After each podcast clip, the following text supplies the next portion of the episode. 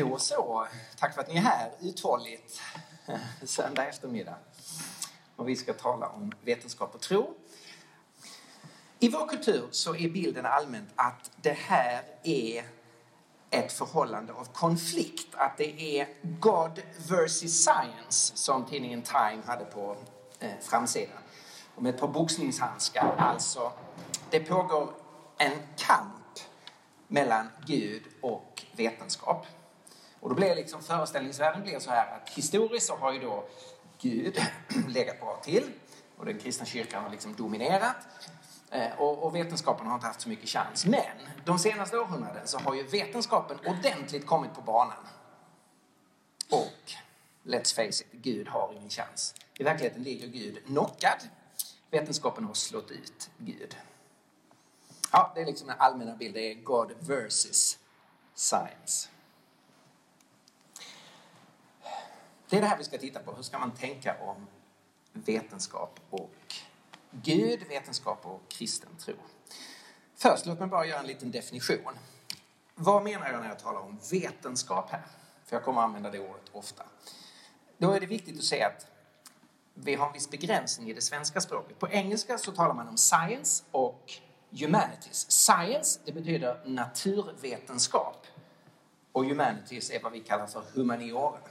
Alltså att läsa historia och samhällsvetenskap och sociologi och psykologi och så. Eh, språk. Humaniora. Eh, så science det är vårt naturvetenskap och humanities är humaniora.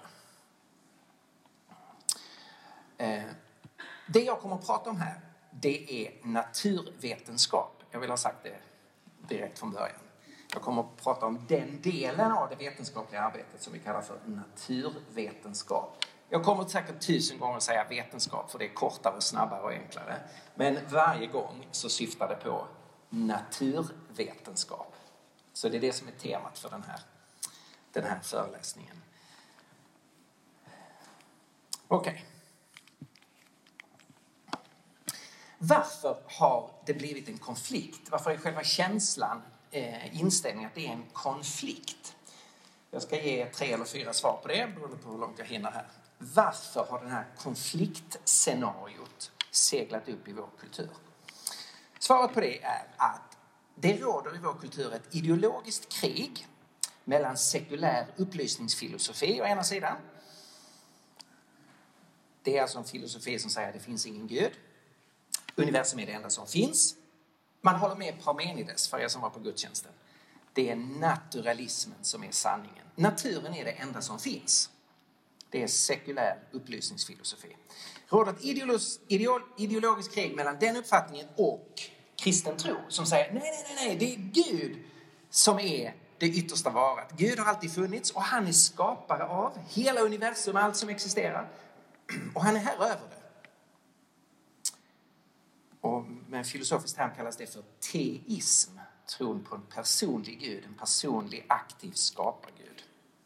Okay, så vi befinner oss i ett ideologiskt krig mellan två olika världsbilder. Där, för det första, vetenskapen då har dragits in som ett vapen. Det är det som har hänt. Vi har ett ideologiskt krig och så har vetenskapen blivit ett vapen i den striden.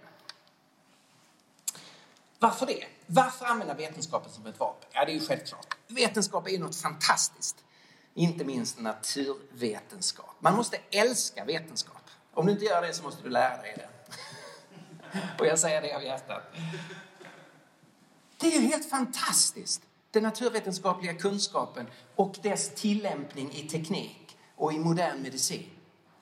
Tänk som livet har förändrats om du tar från tusen år fram till idag.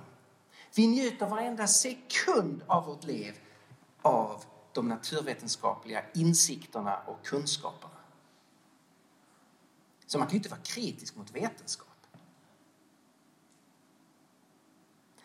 Vetenskapen, naturvetenskapen har haft en enorm framgång. Och dessutom så är ju naturvetenskapen det område där vi tycker oss ofta kunna bevisa saker tydligast eller skarpast eller bäst. Därför att man kan göra experiment, man kan återupprepa, man kan kontrollera. Det har mycket större bevisförmåga än många andra områden. Så det finns en känsla av exakthet och bestämdhet. Att kunna verkligen bevisa hur saker och ting ligger till.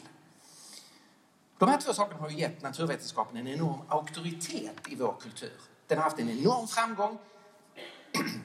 Den har, den har en större bevisförmåga än många andra eh, kunskapsområden.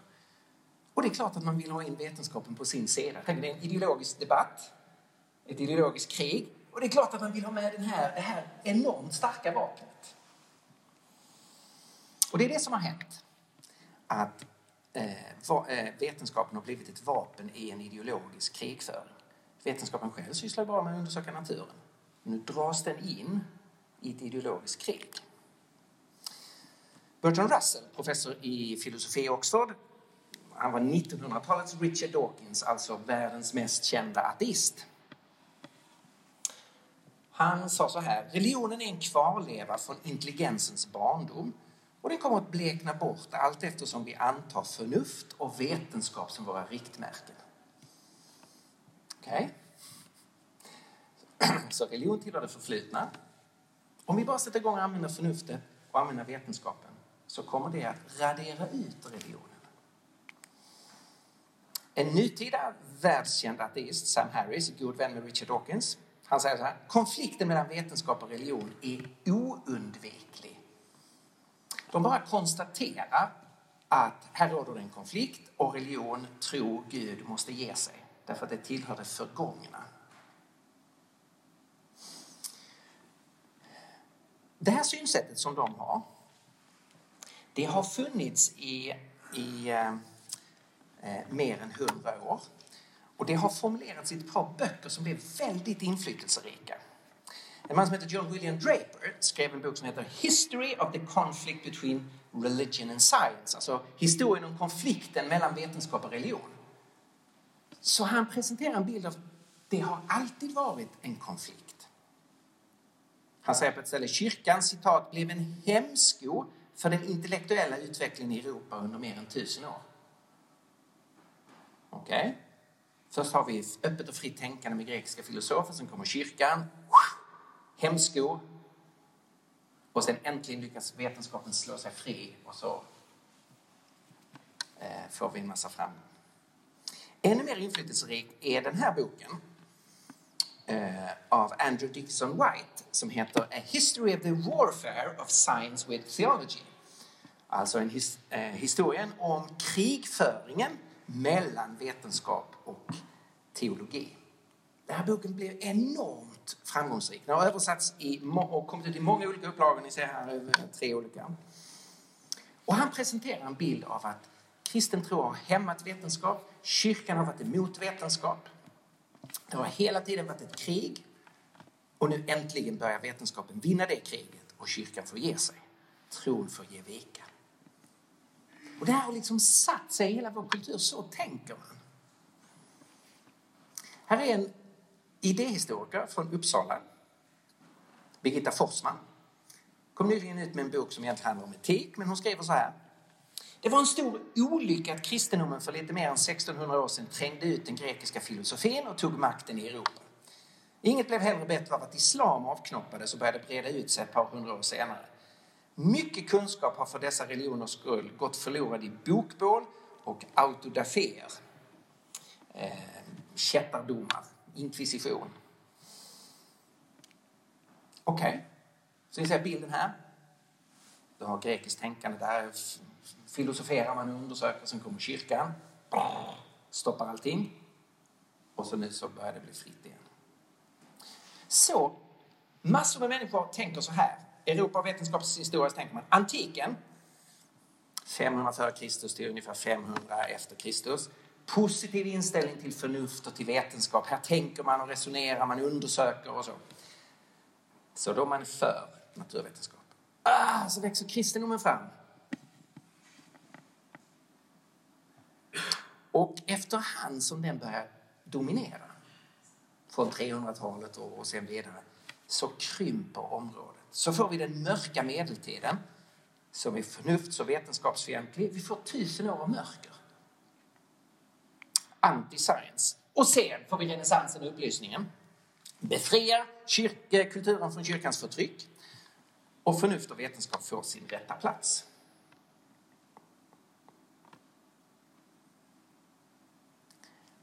Det sägs inte alltid så här tydligt. Ibland görs det, som eh, Birgitta Forsman. Men ofta så antyds det, eller man utgår från det, det ligger liksom i luften vi andas, att ungefär så är det. Enda problemet är att detta är en historiskt helt falsk bild. Det stämmer inte. Den faktiska historien i västerlandet har inte sett ut på det här sättet. Detta är en myt som man behöver slå hål på. En del av myten är att till exempel att kyrkan har hävdat att jorden var platt. Här ser ni en platt jord.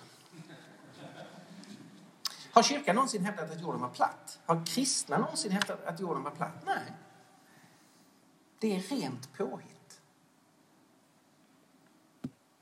Kyrkan har aldrig hävdat det. Och kristen tro har aldrig hävdat att jorden är platt. Att jorden är rund, hade en sfärisk form, det visste de gamla grekerna före kristendomens framväxt. Eratosthenes, en eh, grekisk filosof, han kom fram till jordens omkrets. Och det handlar bland annat om hur skuggan faller vid samma tidpunkt på olika platser om man kunde räkna ut att jorden måste ha en sfärisk yta. Om man kunde räkna ut det ganska exakt, flera hundra år före, ehm, eh, före, vår, före eh, Kristus. Räkna ut omkretsen på jorden. De gamla grekerna visste detta. Den kristna kyrkan var aldrig emot den kunskapen. Thomas av Aquino, den främsta medeltida teologen, han diskuterar på ett ställe olika vetenskapsgrenar. Du kan ha teologi och filosofi och fysik. Och så diskuterar han att de har lite olika sätt att, eh, eh, att eh, lägga fram bevis för. Och då säger han så här. Både astronomen och fysikern kan bevisa samma slutsats. Och så tar han ett exempel. Till exempel att jorden är rund. Så det var helt självklart för medeltidens kristna att jorden var rund. I kloster på 1200-talet så använder man Johannes Sacrobosco och hans eh, illustrationer för att lära studenter att jorden var rund. Ni ser här ett skepp. Om du då har en sjöman som klättrar upp i korgen, upp i masten och så har du en som står nere på däck så kommer han uppe i masten se land innan han som står nere på däck. Varför då? Ja, det är kanske för att han har skarpare syn, han som står där uppe, han har bättre ögon. Ja, men då byter vi plats. Va? Nu är det plötsligt han som stod nere innan som står där uppe. Nu är det hans. Det, man ser land först om du står där uppe. Hur ska vi förklara det? Och samma om du står på land. Varför är det första du ser av ett skepp masten? Och sen växer skeppet fram. Och enda förklaringen är ju att jorden välver sig. Och det är därför det är på det sättet. Okej, okay, jag ett konkret exempel. Det här är en myt. Alltså att kyrkan har trott att jorden var platt eller hävdat det. Verkligheten är det så att medeltiden var helt avgörande för den moderna naturvetenskapens framväxt. I boken The Genesis of Science, eh, som handlar om alltså vetenskapens ursprung, så skriver författaren så här. Det mest avgörande var att medeltiden la grunden för den västerländska civilisationens största bedrift, nämligen modern vetenskap. Det finns förstås vetenskapliga insikter i andra kulturer. Om man studerar kinesisk, eller indisk, eller egyptisk, eller babylonsk eller persisk kultur så gör de genombrott så det finns matematiska insikter. Det finns vissa enskilda upptäckter. Och det är självklart, alla människor oavsett vilken kultur man finns i är ju skapade till Guds avbilder och har förnuft och tänkande och har sinnen och kan därför göra upptäckter. Men det finns ingen kultur före det kristna västerlandet som utvecklar en systematisk vetenskap. Det sker bara i Europa. Rodney Stark är en forskare som har eh, skrivit väldigt mycket om det här. Och I sin bok The Victory of Reason så skriver han Verklig vetenskap uppstod endast en gång. I Europa. Kina, islam, Indien och det antika Grekland och Rom hade vardera en högt utvecklad alkemi. Man försökte eh, skapa, skapa guld av andra, av andra ämnen. Men bara i Europa utvecklades alkemin till kemi. På samma sätt hade många samhällen utvecklat genomarbetade system av astrologi. Men bara i Europa ledde astrologi till astronomi. Varför? Återigen har svaret att göra med bilden av Gud. För de stora figurerna som är involverade i 1500 och 1600-talets vetenskapliga blomstring, inklusive Descartes, Galileo, Newton och Kepler, vad de bekände var deras absoluta tro på en skapargud i vars verk ingår rationella lagar som väntar på att upptäckas. Vetenskapens uppkomst var inte en förlängning av antikens lärande. Den var en naturlig utväxt av den kristna läran. Att naturen existerar eftersom den skapades av Gud. För att fullt ut älska och ära Gud är det nödvändigt att uppskatta hans underbara verk. Genom att utnyttja våra gudegivna förmågor förnuft och observation borde det vara möjligt att upptäcka dessa lagar. Detta var de avgörande idéer som förklarar varför vetenskap uppstod i det kristna Europa och ingen annanstans. Alltså, det är den kristna tron som är ursprunget till den moderna naturvetenskapen.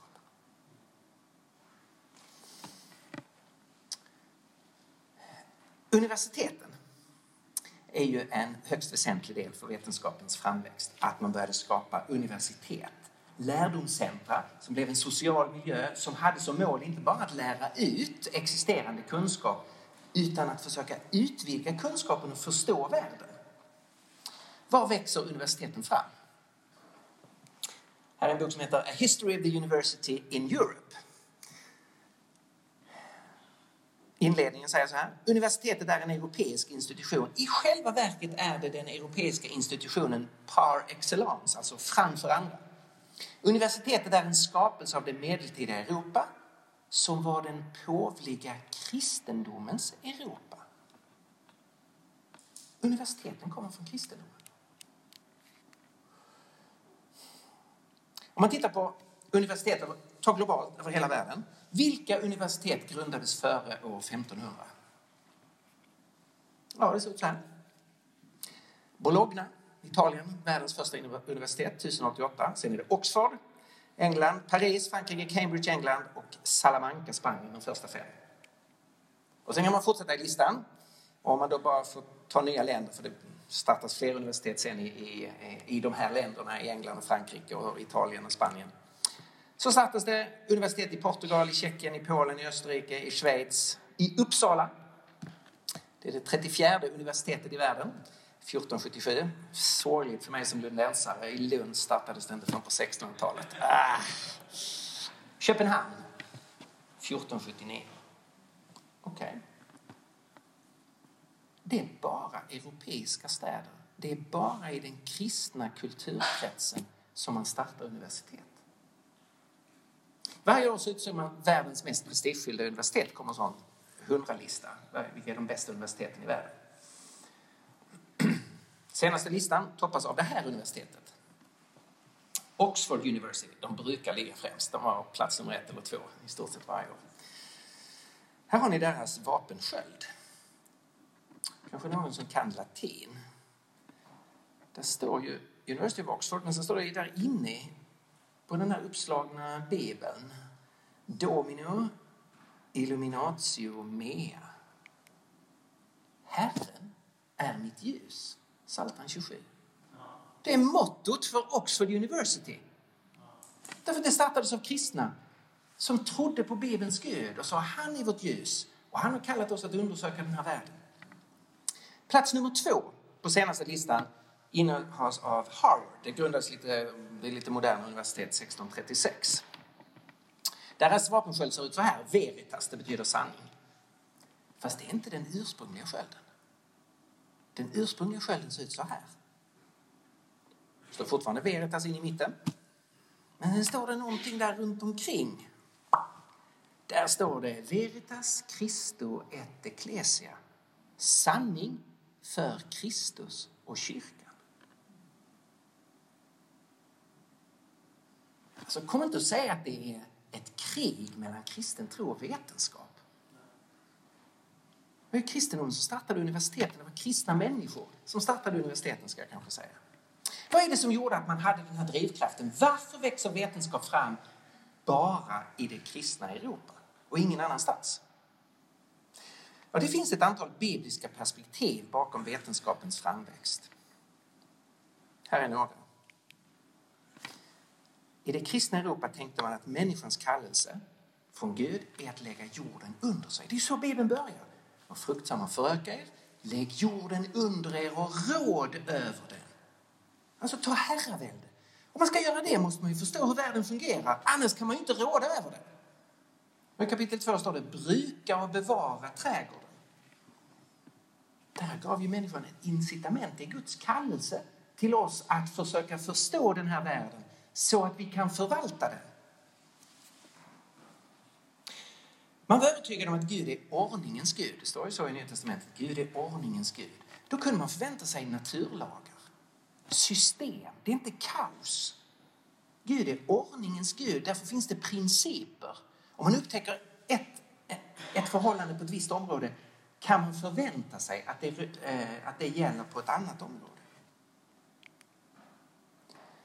Gud är den enda guden. Detta är ju alltså den judiska monoteismen. Det finns bara en enda gud. Alla kulturer runt omkring var ju polyteistiska, trodde på många olika gudar. Och då är ju alltid gudarna identifierade med något specifikt naturfenomen. Och åskans gud och vindens gud och solguden och månguden och havets gud och kärlekens gud och vinets gud och musikens gud. Och, och varje gud bestämmer över sitt område. Och gudarna är inte alltid överens. De är ju i krig med varandra och lurar varandra. I en sån värld finns ju ingen enhetlighet. Och du kan ju inte förvänta dig att liksom förstå hur världen hänger samman med alla de små lokala gudarna. Det judisk-kristna sättet att tänka är ju, det finns bara en enda gud. Och därför hänger världen ihop. Man var, ju, man var vidare övertygad om att universum är skapat. Alltså, någon har tänkt ut den här världen. Och Gud är fri, fri att skapa exakt vilken värld han vill. Han kan skapa en sån värld eller en sån värld eller en sån värld. Vi kan ju inte veta i förväg vilken värld Gud har skapat. De grekiska filosoferna de satt på sin kammare och tänkte, vad är den perfekta formen? Vad är den perfekta banan för planeterna att röra sig i? Så försökte man räkna ut hur världen måste vara. Därför blev grekisk naturvetenskap blev i väldigt liten grad experimentell, alltså att ta reda på hur det är. Den var mer rationell, att försöka räkna ut hur det måste vara. Men de kristna tänkte ju, vi kan ju inte räkna ut vad Gud måste göra. Han gör ju vad han vill. Vi måste ut och se vad han valde att göra. Och här har vi hela den experimentella, empiriska sidan som växer fram. Vi måste ta reda på hur det är. Och till sist, vetenskapen, äh, universum är skapat ad extra, sa de medeltida teologerna. Det betyder utanför Gud. Det här är jätteviktigt. Det är en gränsdragning mot panteism. Alltså, universum är inte gudomligt. Om universum är detsamma som Gud, om universum är gudomligt, då gör du inte experiment med världen. Då tillber du världen. Därför växer det inte fram vetenskap i det panteistiska, i de panteistiska kulturerna. Då mediterar du och du tillber skapelsen, du vördar det som är gudomligt. Men kristna sa ju tvärtom, du får inte tillbe något av det som är skapat. Den enda du får tillbe är den levande guden. Det var en absolut gräns mellan skaparen och skapelsen. Men det frigjorde ju då människor att börja undersöka skapelsen. Det är inte att ge sig på Gud att undersöka skapelsen. Gud blir inte arg eller irriterad eller förnärmad för att vi försöker förstå hans värld.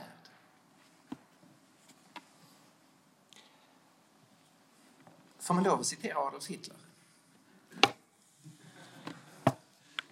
Tveksamt. Ändå ska jag göra det.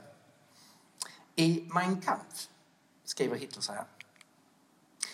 Allt vad vi nu beundrar här på jorden, vetenskap och konst, uppfinningar och tekniska underverk, har skapats av några få folk och ursprungligen av kanske en enda ras.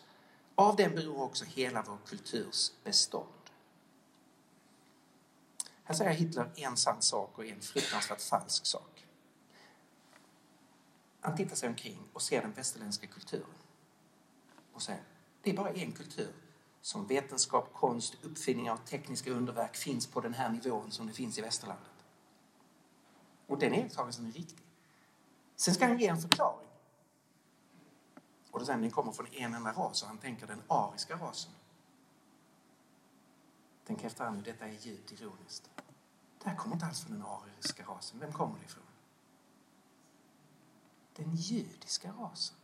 Detta är ju den judiska skapelsetron som har fått alla dessa konsekvenser i västerlandet.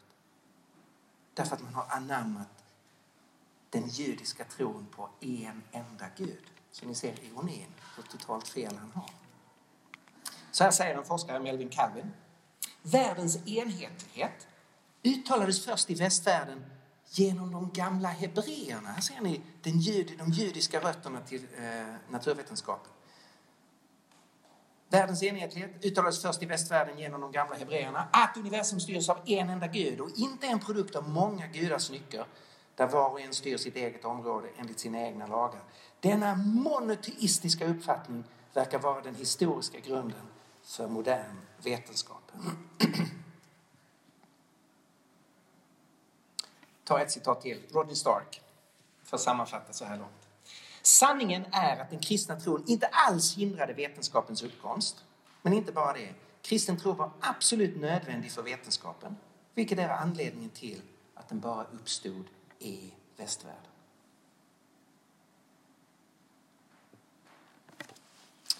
Eh, vi, vi hoppar över nästa bild och så tar vi eh, det som är bild 35. Det är inte jag som kristen som hävdar detta. Detta är den allmänna uppfattningen bland vetenskapshistoriker. Så eh, från en bok som heter God and Nature så säger eh, författaren där Trots att det utvecklats en samsyn bland forskare att vetenskap och kristen tro inte befunnit sig i krig vägrar konfliktscenariot att dö. Så det här är väldigt ironiskt. Forskare är idag överens om att kristen tro inte var i krig med naturvetenskapen utan var det som inspirerade fram naturvetenskap. Och det råder det akademisk enighet om idag. Men i kulturen vägrar konfliktscenariot att dö. Så här har vi en jätteuppgift att slå hål på det konfliktscenariot och visa de historiska rötterna som vetenskapen har i den kristna tron. Och vi som kristna, vi ska vara vetenskapspositiva. Eh, vi ska vara positiva och glada över vetenskapen. Okej, okay. det var mycket om den punkten, men jag tycker den är viktig för att lägga, lägga bakgrunden här. Går vi vidare. Varför är det en konflikt? Jo, därför att det råder ett ideologiskt krig mellan sekulär upplysningsfilosofi och kristen tro, samma som tidigare. Men för det andra, där vetenskapen görs allsmäktig till sin omfattning. Jag ska förklara vad jag menar. Vetenskapen görs allsmäktig till sin omfattning. Alltså, det är uppfattningen att det är bara vetenskap, naturvetenskap, som kan ge oss verklig sanning, verklig kunskap. Det finns inga andra sätt att nå kunskap. Om det, är, om det inte är vetenskapligt så behöver vi inte bry oss om det. Det här kallas med ett fint ord för scientism. Att man gör en ism av science. Alltså man gör en filosofi av vetenskap. Jag citerade i gudstjänsten Alex Rosenberg. Han kan säga så här. Vetenskap är vår exklusiva guide till verkligheten. Alltså det är inget problem att säga att vetenskapen är en guide till verkligheten. Det är, ju, det är det ju, verkligen. Men är det den exklusiva... Alltså, kan vi inte få kunskap från något annat, på något annat sätt? Är det den exklusiva guiden? Och det hävdar han. Och det är en ganska vanlig uppfattning. Att vetenskapen, bara det vetenskapen kan uttala sig om är verkligt, är sant, har vi anledning att hålla fast vid. Och detta, detta är en väldigt egendomlig uppfattning. Jag håller med den eh, amerikanske katolske eh, apologeten Peter Kreeft. Han säger så här. Det finns inga vetenskapliga bevis för att endast vetenskapliga bevis är goda bevis. Inget sätt att bevisa genom den vetenskapliga metoden att den vetenskapliga metoden är den enda giltiga metoden. Nej, så är det förstås. Vi har ju en massa kunskap som inte är naturvetenskaplig. Det är ju urfånigt att säga att naturvetenskapen är den exklusiva guiden. Vet du när du fyller år? Vad är din födelsedag? Tror de flesta av er skulle bara säga direkt. Ah, jag fyller år då och då. Hur vet du det? Ja, det är ingen naturvetenskaplig kunskap. Vetenskapen kan inte bevisa när du är född. Vi försöker ju åldersbestämma en massa flyktingar. Det är ju plus minus rätt många år, eller hur? De kan inte ange vad som är din födelsedag. Hur vet du din födelsedag? För din mamma har sagt det! Hon var nämligen där. eller hur? Och det är ju det är minsann ingen dålig kunskap. Det är personlig, du har fått det från din mamma. Du kan gå och titta i svensk folkbokföring, det är ju historisk kunskap. Någon har skrivit, gjort en notering, det är inte naturvetenskaplig kunskap. Det är ju en historisk källa som anger att jag föddes 29 mars 1960. Jag känner ingen tveksamhet kring det här. Jag känner mig väldigt trygg att jag har faktisk kunskap om min födelsedag. Men det är inte naturvetenskaplig kunskap. Tänk på det du vet om etik, moral, om kärlek, om relationer, om konst. Du har hur mycket kunskap som helst som inte är naturvetenskaplig. En tragedi att ha naturvetenskapen som den exklusiva guiden till verkligheten. Vi hoppar över nästa bild så tar vi nummer 40. Naturvetenskapen är ett fantastiskt men begränsat redskap.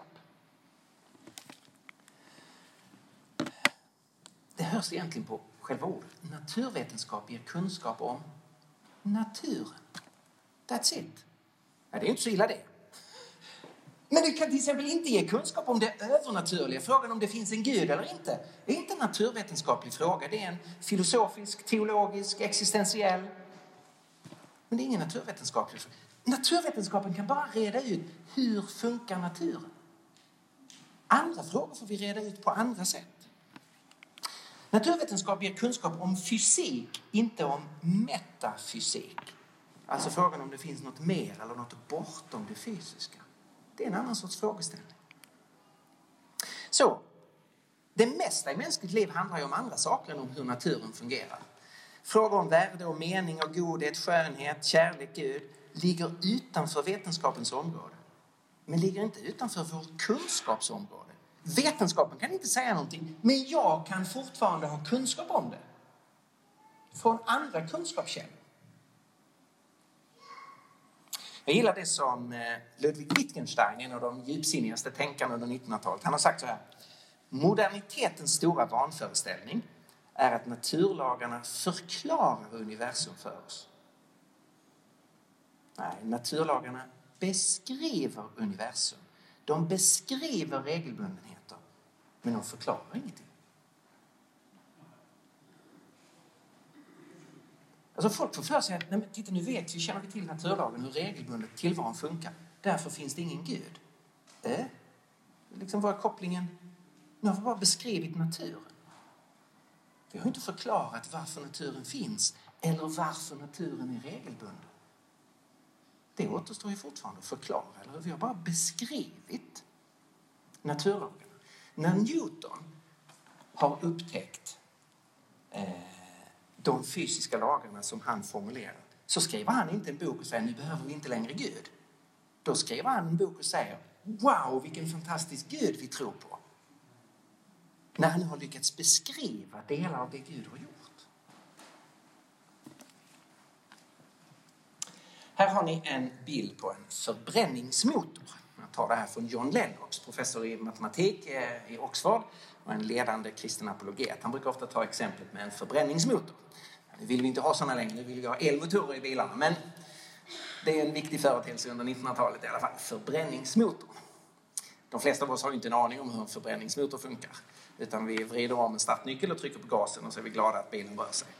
Men det finns ju en motor och det går att förstå vad det är som sker. Det går att beskriva vad det är som sker som gör då att bilen rullar.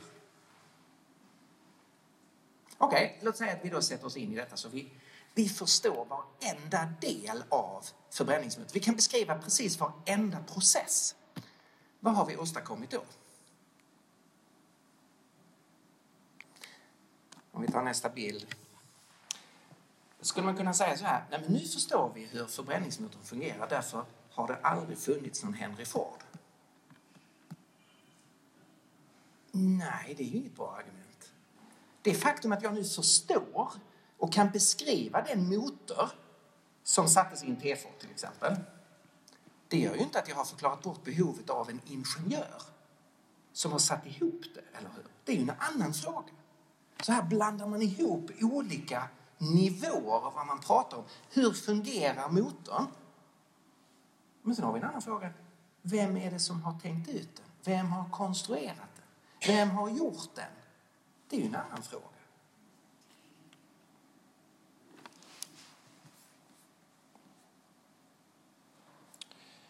Eh, vi hoppar över två bilder och så min sammanfattning här är Vetenskapen är inte allsmäktig till sin omfattning. Jag tycker det är ganska uppenbart. Man ska inte vara scientist.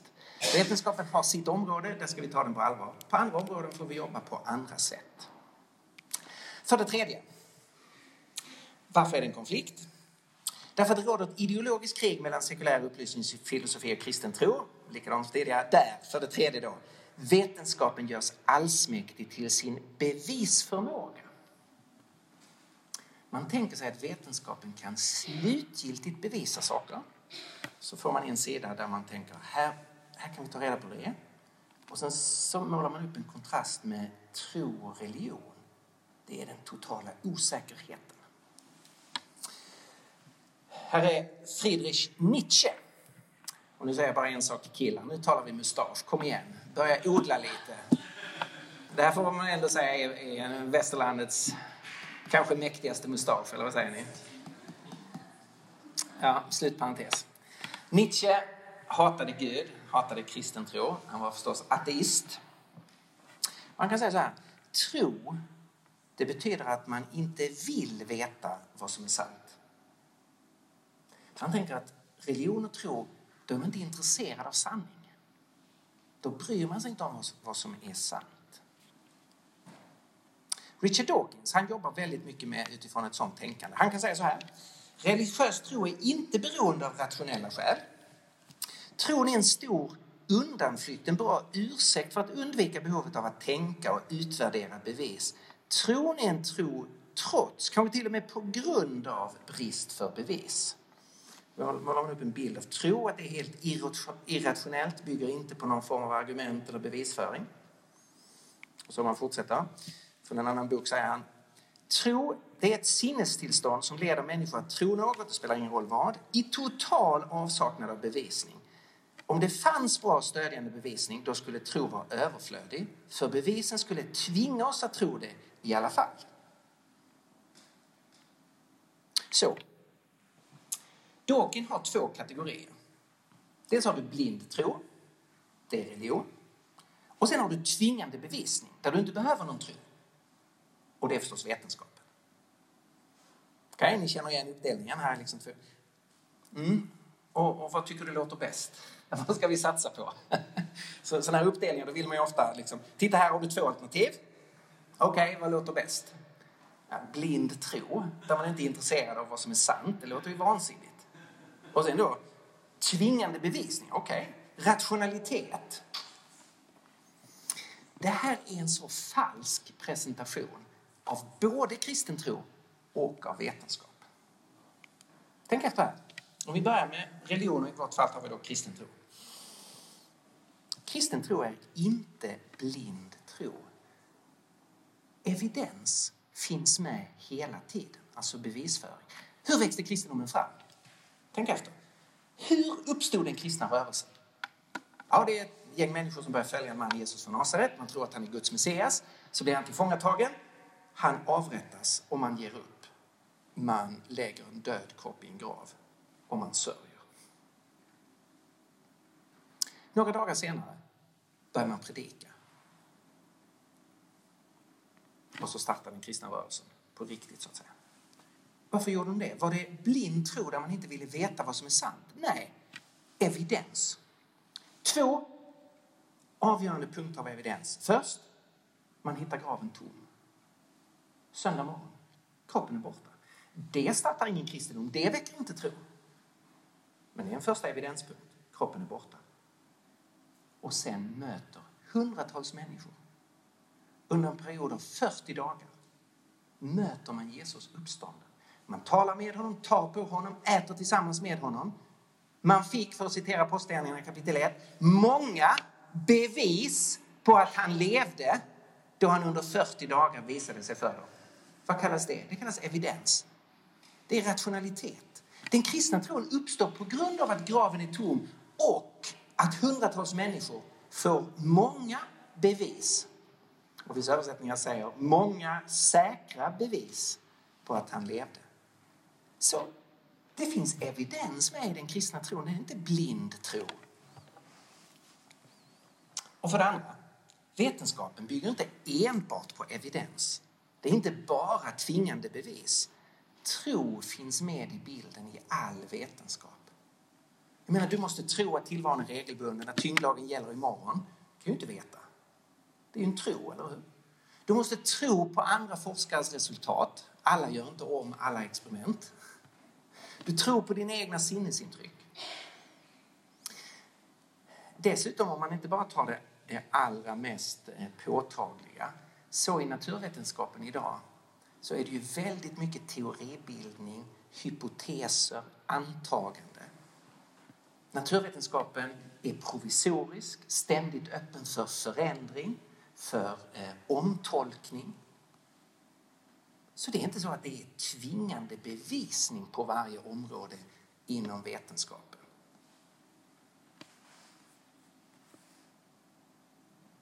Jag hoppar över nästa bild och sammanfattar. Vetenskapen är inte allsmäktig i sin bevisföring. Tvärtom är kristen tro och naturvetenskap är ganska lika. Att man måste både utgå från vissa trosantaganden och man behöver undersöka evidens och ta ställning till vad som är bästa förklaringen. Här ser ni två äldre herrar. Båda är mycket framstående vetenskapsmän. Båda har nämligen fått Nobels pris i fysik. Den mest prestigefyllda utmärkelsen du kan få som naturvetenskapsman. Den nej, är Steven Weinberg, han är professor i fysik vid University of Texas. Han är ateist, fick Nobelpriset i fysik 79. Den andra är Charles Town, professor i fysik vid University of California. Han är kristen, han fick Nobelpriset i fysik 64. Det går inte att säga att den ena är mer vetenskaplig än den andra, eller hur? Båda två tillhör kategorin de allra främsta naturvetenskapsmännen i världen. En är ateist, en är kristen. De utgår helt enkelt från olika världsbilder. Och då är det ofta det man får diskutera. Vad är argumenten för en ateistisk kontra en teistisk eller kristen världsbild? Och till sist, varför en konflikt? Det råder ett ideologiskt krig mellan sekulär upplysningsfilosofi och kristen tro med, för det fjärde, en problematik på båda sidor. Och nu kommer faktiskt en punkt där vi lite Eh, får vara lite självkritiska. Det finns en problematik på båda sidorna i den här konflikten. På ena sidan finns en dogmatisk naturalism och på den andra sidan finns det en risk för en naiv och rigid bibeltolkning. Och låt mig bara kortfattat kommentera det innan vi släpper loss frågor och invändningar. Om vi börjar med dogmatisk naturalism. Här är en eh, kvalificerad intellektuell tidskrift från USA, The New York Review of Books. En av världens ledande evolutionsbiologer, Richard Leventin, han skrev för ett antal år sedan en artikel där som har blivit väldigt uppmärksammad. För han är så ärlig. Han skriver så här. Vi forskare har redan en överlåtelse, en överlåtelse till materialism, men det är detsamma som naturalism. Det är inte så att vetenskapens metoder och institutioner på något sätt tvingar oss att acceptera en materiell förklaring av världen, utan tvärtom att vi tvingas utifrån vårt a priori fasthållande vid materiella orsaker. Denna materialism är absolut, för vi kan inte tillåta en gudomlig fot i dörren. Ni vet en försäljare som sätter in en fot som man inte kan stänga. Alltså, han erkänner ju här att vi har a priori bestämt oss för att Gud kan inte finnas. Han får inte finnas och vi ska aldrig ge en öppning för Gud. Vi kan inte tillåta en gudomlig fot i dörren. Okej, okay. det här är ju ingenting med naturvetenskap att göra, det här är ju filosofi. Man bara bestämmer sig, vår filosofi ska vara den riktiga och alla andra ska uteslutas. Detta är ju dogmatisk naturalism. Och det här behöver kritiseras. En vetenskapsman måste ju ha en öppenhet Eh, för att se i vilket ljus ska jag tolka och förstå de naturvetenskapliga resultat som eh, jag kommer fram till. Och jag kunde ge många exempel på hur eh, det moderna naturvetenskapssamhället är präglat av en dogmatisk naturalism. Om vi hoppar över nästa bild så går vi till frågan om en naiv och rigid bibeltolkning. Och det här som vi då blir lite utmanande att tänka självkritiskt. Kristendomen har växt fram, äh, vetenskapen har växt fram utifrån kristendomen. Men det är klart, det finns konfliktpunkter. Den mest kända konfliktpunkten är ju den mellan kyrkan och Galileo Galilei. Då befinner vi oss alltså eh, på 1600-talet. Och Galileo är sin tids främste naturvetare. Och då uppstår det en, och finns redan, en stor diskussion om en geocentrisk kontra en heliocentrisk världsbild. Den geocentriska det är ju jorden i centrum. Den hade man från de gamla grekerna. Det är, den, eh, det är Ptolemaios världsbild. Jorden är i centrum och så snurrar alla planeter och, och så runt jorden. Och det hade funkat ganska bra. Man kunde förklara de flesta fenomen ganska väl med det, med det tänkesättet. Jorden i centrum. Kristna tycker förstås att det här känns ju jättebra. Det är väl naturligt. Och vi verkar ju vara i den skapade världen är vi i centrum för Guds uppmärksamhet. Det är inte konstigt om vi är i centrum av solsystemet. Men nu hade det växt fram då en alternativ teori. Den kopernikanska teorin. Copernicus hade sagt, men titta, med Ptolemaios system då är det vissa saker vi inte kan förklara. Det är vissa saker som inte går ihop och man måste göra en massa konstiga tilläggshypoteser för att det ska stämma. Låt oss anta att det är så här att solen är i centrum i vårt planetsystem. En heliocentrisk världsbild. Och jorden är som en tv-serie heter tredje klotet från solen. Då faller ju bitarna på plats. Copernicus, han lägger fram det 1543 i en bok, men han är väldigt tydlig. Det här är bara en teori, det är en hypotes. Man skulle kunna tänka så här. Kyrkan reagerar inte precis på det. Det är okej, okay, du får ha teorier hur mycket du vill, så länge du inte säger att de är liksom, så här är det. Så kommer Galileo. Och han har lyckats bilda, bygga ett teleskop, han kan se längre ut i rymden. Man har gjort vissa andra framsteg. Han kan bekräfta lite fler delar av Copernicus hypotes. Och han lägger fram detta i en bok, Eh, eller i ett, i ett antal skrifter.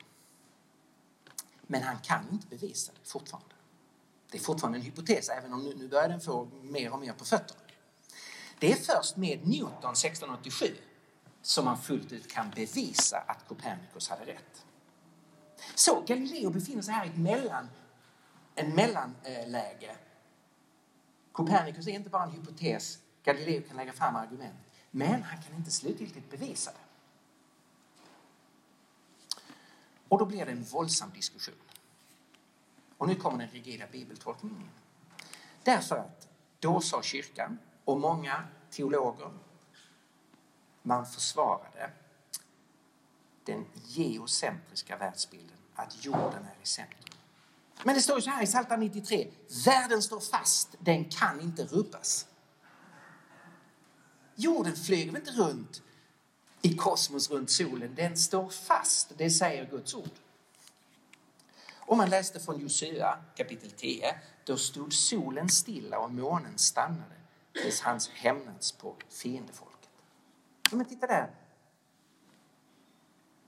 Det är solen som rör sig runt jorden och Gud lät den stå stilla. Och så läste man de här ställena alldeles bokstavligt.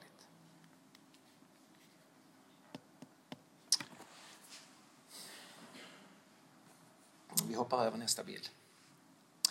Eh, det blev en stor diskussion om det här och kyrkan hävdade den geocentriska världsbilden. Och det var förstås en katastrof. Det skulle man ju inte ha gjort. Det som sen spetsar till det hela, det är att Galileo är en väldigt eh, intressant och provocerande typ. I den diskussionen väljer han att ge ut den här boken ni ser, Dialogo, där han eh, presenterar sin uppfattning. Och då gör han det i form av en dialog. Det är en dialog om de två världssystemen, det är vad boken heter. Och i den boken så finns det tre personer som diskuterar de här två uppfattningarna om universum.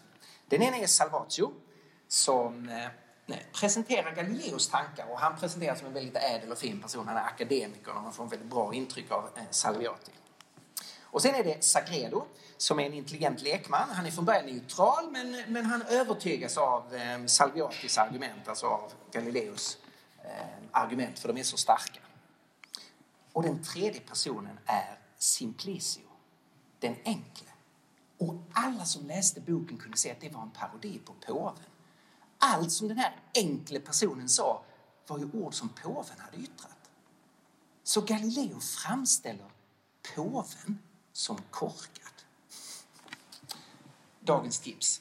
Om du lever på 1600-talet, framställ inte påven som korkad. det, det hjälper inte din sak. Det hjälper inte din sak. Så påven blev ju rasande över att ha blivit förnedrad på detta sätt och Galileo hamnar i husarrest. Så rätt mycket av konflikten i slutskedet där är faktiskt därför att Galileo provocerar påven personligen. Och påven tar då till makt och låser in eh, Galileo. Men det som vi har att lära av detta det är ju att kyrkan här handlade väldigt ovist. Vad borde man ha gjort? Man borde ha sagt låt oss vänta och se. Låt oss vänta och se. Traditionellt har vi tolkat de här bibelorden som om de betyder att jorden står fast. Men om det visar sig att jorden inte står fast utan snurrar och att man ska förstå det här som en poetisk beskrivning som egentligen vill kommunicera någonting annat, inte den exakta rörelsen så att säga, eller positionen av himlakropparna. Då, då är det klart vi måste, vi måste ändra vår bibeltolkning. Verkligheten ska vi aldrig förneka. Så man skulle varit ödmjukare, man skulle legat lite lägre, man skulle väntat och se, inte slått fast en osäker bibeltolkning för snabbt. Och nu har vi i 400 år lidit av den konflikten. För nu har ju kulturen hela tiden kunnat säga, ja men titta vad kyrkan gjorde med Galileo. Titta att kyrkan inte var öppen för det som vetenskapen säger. Och här har vi en viktig lärdom. Eh, att vi agerar vist idag i de diskussioner som vi hamnar i. Om vi hoppar över nästa bild så tar vi den sista bilden här. Galileo, han kritiserade kyrkan för att de läste Bibeln som en naturvetenskapsbok. Och det finns ett berömt uttalande av honom där han säger The Bible teaches us how to go to heaven, not how the heavens go. Ganska tjusigt. Bibeln undervisar oss om hur man kommer till himlen, inte hur himlakropparna rör sig. Och där har han verkligen en poäng. Gud har gett oss förnuft och sinne så att vi kan undersöka världen och ta reda på vilken planet är i centrum av vårt planetsystem. Vi har inte fått Bibeln som en lärobok i naturvetenskapliga frågor.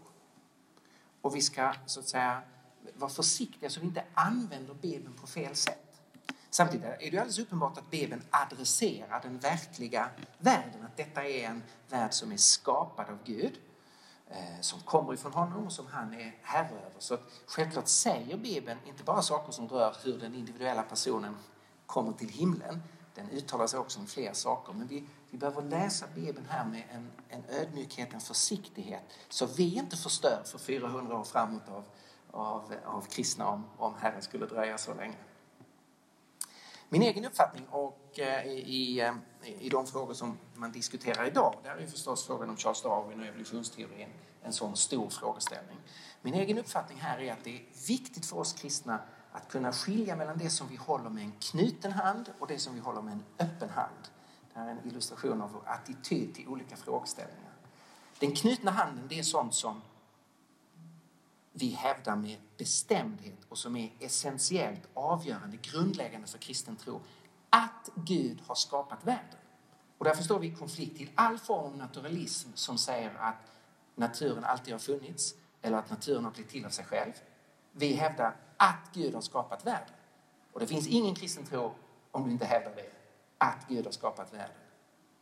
När Gud skapade världen och hur Gud skapade världen, det är en uppfattning som jag tycker vi ska hålla med en öppen hand. Det är inte essentiellt för den kristna tron. Där måste vi som kristna kunna vara lite tentativa, lite prövande, undersöka olika scenarier, leva med att alla kristna kommer inte fram till exakt samma svar i de frågorna. När skapade Gud världen och hur skapade Gud världen? Det är en annan sorts fråga än att Gud skapade världen. Och jag blir lite nervös när människor flyttar över de här frågorna när och hur och lägger i den knutna handen och säger det finns ingen kristen tro om man inte säger rätt sak om när och hur. Det tror jag är ett stort misstag. Då tror jag att man gör om det misstag som kyrkan gjorde vid Galileo. Låt oss istället ha en, en öppen och respektfull dialog om när och hur och pröva olika scenarier. Eh, och ibland får man säga vi vet kanske inte. Vi får vänta och se. Ungefär som man faktiskt inte visste om Galileo hade rätt förrän en bra bit senare när Newton kunde belägga det. Okej, okay, nu har jag talat i exakt 60 minuter, nu ska jag inte säga någonting mer. Tack för att ni har eh, lyssnat på detta. Jag är medveten om att eh, det är tusen frågor jag inte har svarat på, men jag har försökt svara på åtminstone några frågor